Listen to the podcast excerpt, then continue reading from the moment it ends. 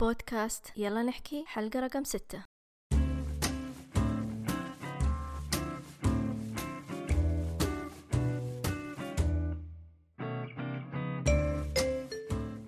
أهلا فيكم. معكم تهاني عبد الرحمن من بودكاست. يلا نحكي. البودكاست المتخصص في مجال الأعمال وبناء المنتجات الرقمية. وفي هذه الحلقة راح أتكلم فيها معكم عن من هو مدير المنتج.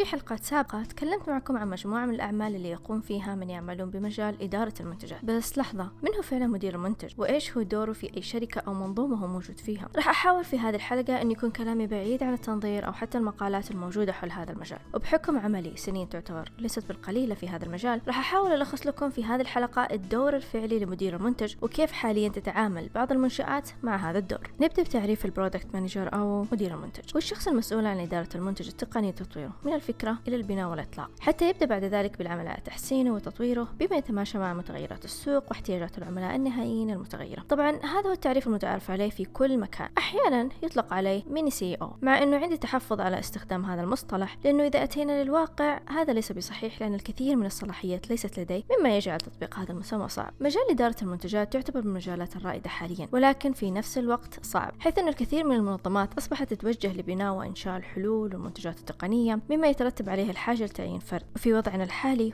هو مدير المنتج طبعا حتى يبدأ بممارسة عملية الاعتناء بهذا المنتج حتى يستمر في السوق. بس في نفس الوقت تجد أن بعض المنشآت لا تعرف ما هو الدور الفعلي لمدير المنتج مما يجعل تفعيل هذا الدور يكون صعب ويضع مدير المنتج أمام تحديات يحتاج أن يتعامل معها بشكل يومي. متأكدة راح يتبادر إلى ذهنك سؤال طيب أنا مهتم بهذا المجال كيف من الأساس أقدر أكون مدير منتج؟ وجوابا على هذا السؤال خلوني أوضح أنه مجال إدارة المنتجات هو ليس تخصص يدرس في الجامعة وبناء عليه يتم استقطاب الأشخاص المناسبين لشغل هذه الوظيفة بل هو مجال يعتمد بشكل كبير على مجموعة من المهارات اللي تحتاج أنك تكتسبها وتطورها بنفسك. بالإضافة إلى الخبرات اللي تحتاج تبنيها بناء على المنتجات اللي أدرتها أو تعاملت معها خلال ممارستك لهذا الدور. أيضا يمكنك صقل خبراتك ومهاراتك بالشهادات المهنية اللي بدأت الكثير من المنظمات العالمية توفيرها في هذا المجال مثل AIPMM بالرغم من الاهتمام الكبير الحاصل بمجال إدارة المنتجات بسبب التوجه للمنتجات والحلول التقنية إلا أنه للأسف هنالك أفكار مغلوطة عن مهام ودور مدير المنتج. لهذا أجد هذا البودكاست فرصة مميزة حتى أستعرض في هذه الحلقة بعض الأخطاء اللي لاحظتها واللي تمارسها بعض المنشآت اللي تقرر توظف فريق لإدارة المنتجات نبدأ مع أول خطأ واللي يتكرر بكثرة وهو أن مدير المنتج هو نفسه مدير المشروع. هذه الفكرة منتشرة بكثرة حيث أنه بعض المنشآت تعطي مدير المنتج مهام مدير المشروع والعكس أيضا. بس خلوني أوضح نقطة أنه مدير المنتج ليس هو نفسه مدير المشروع. مدير المشروع مرتبط بشكل كبير بالمشروع اللي سلم له حتى يعمل على تنفيذه بالتعاون مع كامل الفريق وتنتهي علاقته بهذا المشروع بعد أن يسلمه. لهذا السبب مدير المشروع يعطي مدير المنتج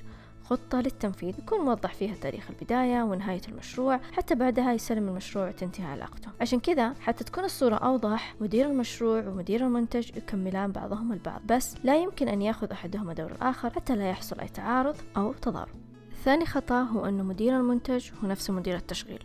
خلال عملي في إدارة المنتجات لاحظت أن بعض المنشآت تحصر دور مدير المنتج في استلام وحل المشاكل التقنية اللي يتعرض لها المستخدمين النهائيين وتنسين أن دور مدير المنتج أكبر من ذلك. كون أن هذه المهمة تكون في الأساس من مهام فريق التشغيل اللي يعمل على حلها مع المستخدمين بل أن مدير المنتج يحتاج أن يكون على اطلاع بهذه المشكلات حتى يساعده بدوره في العمل مع الفريق على إيجاد حلول حتى يسهل من خلالها من استخدام المنتج بدون أن يكون هنالك أي عائق. الصحيح أن دور فريق المنتجات وفريق التشغيل مكمل لبعضهم البعض ولا يمكن أن يأخذ أحدهما دور الآخر لأن مدير المنتج يحتاج لوجود فريق التشغيل بجانبه حتى يكون بمثابة يده اليمين لتسهيل عملية استخدام المنتج على المستفيد النهائي. ثالث خطأ هو عدم إعطاء أي صلاحيات لمدير المنتج. حتى نكون واضحين من البداية إذا لم يكن هناك أي صلاحيات قدمت لمدير المنتج من الإدارة العليا راح يكون مدير المنتج مقيد وما راح يقدر يقدم أي قيمة أو فائدة للفريق اللي يعمل معه أو حتى للمنشأة اللي ينتمي لها لأن الصلاحيات هي اللي تعطي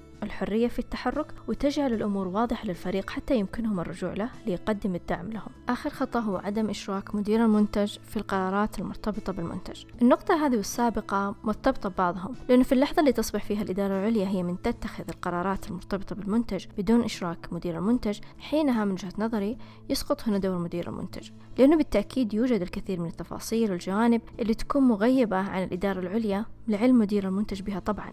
لهذا اتخاذ القرار الصحيح الصحيح يجب أن يكون بوجود مدير المنتج حتى يمكن حينها الخروج بقرار يكون في صالح المنتج والمنشأة.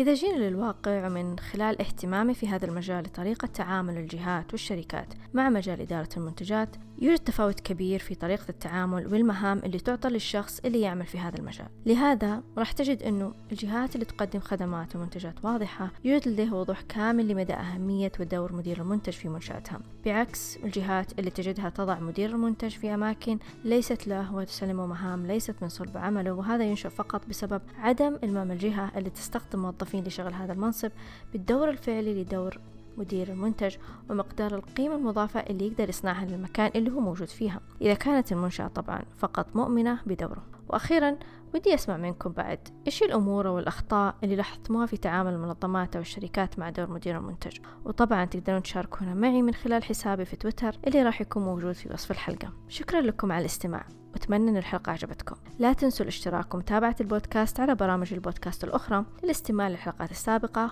والحلقات القادمة. وفي النهاية أتمنى للجميع بناء منتجات تقنية موفقة وألتقيكم في حلقات أخرى.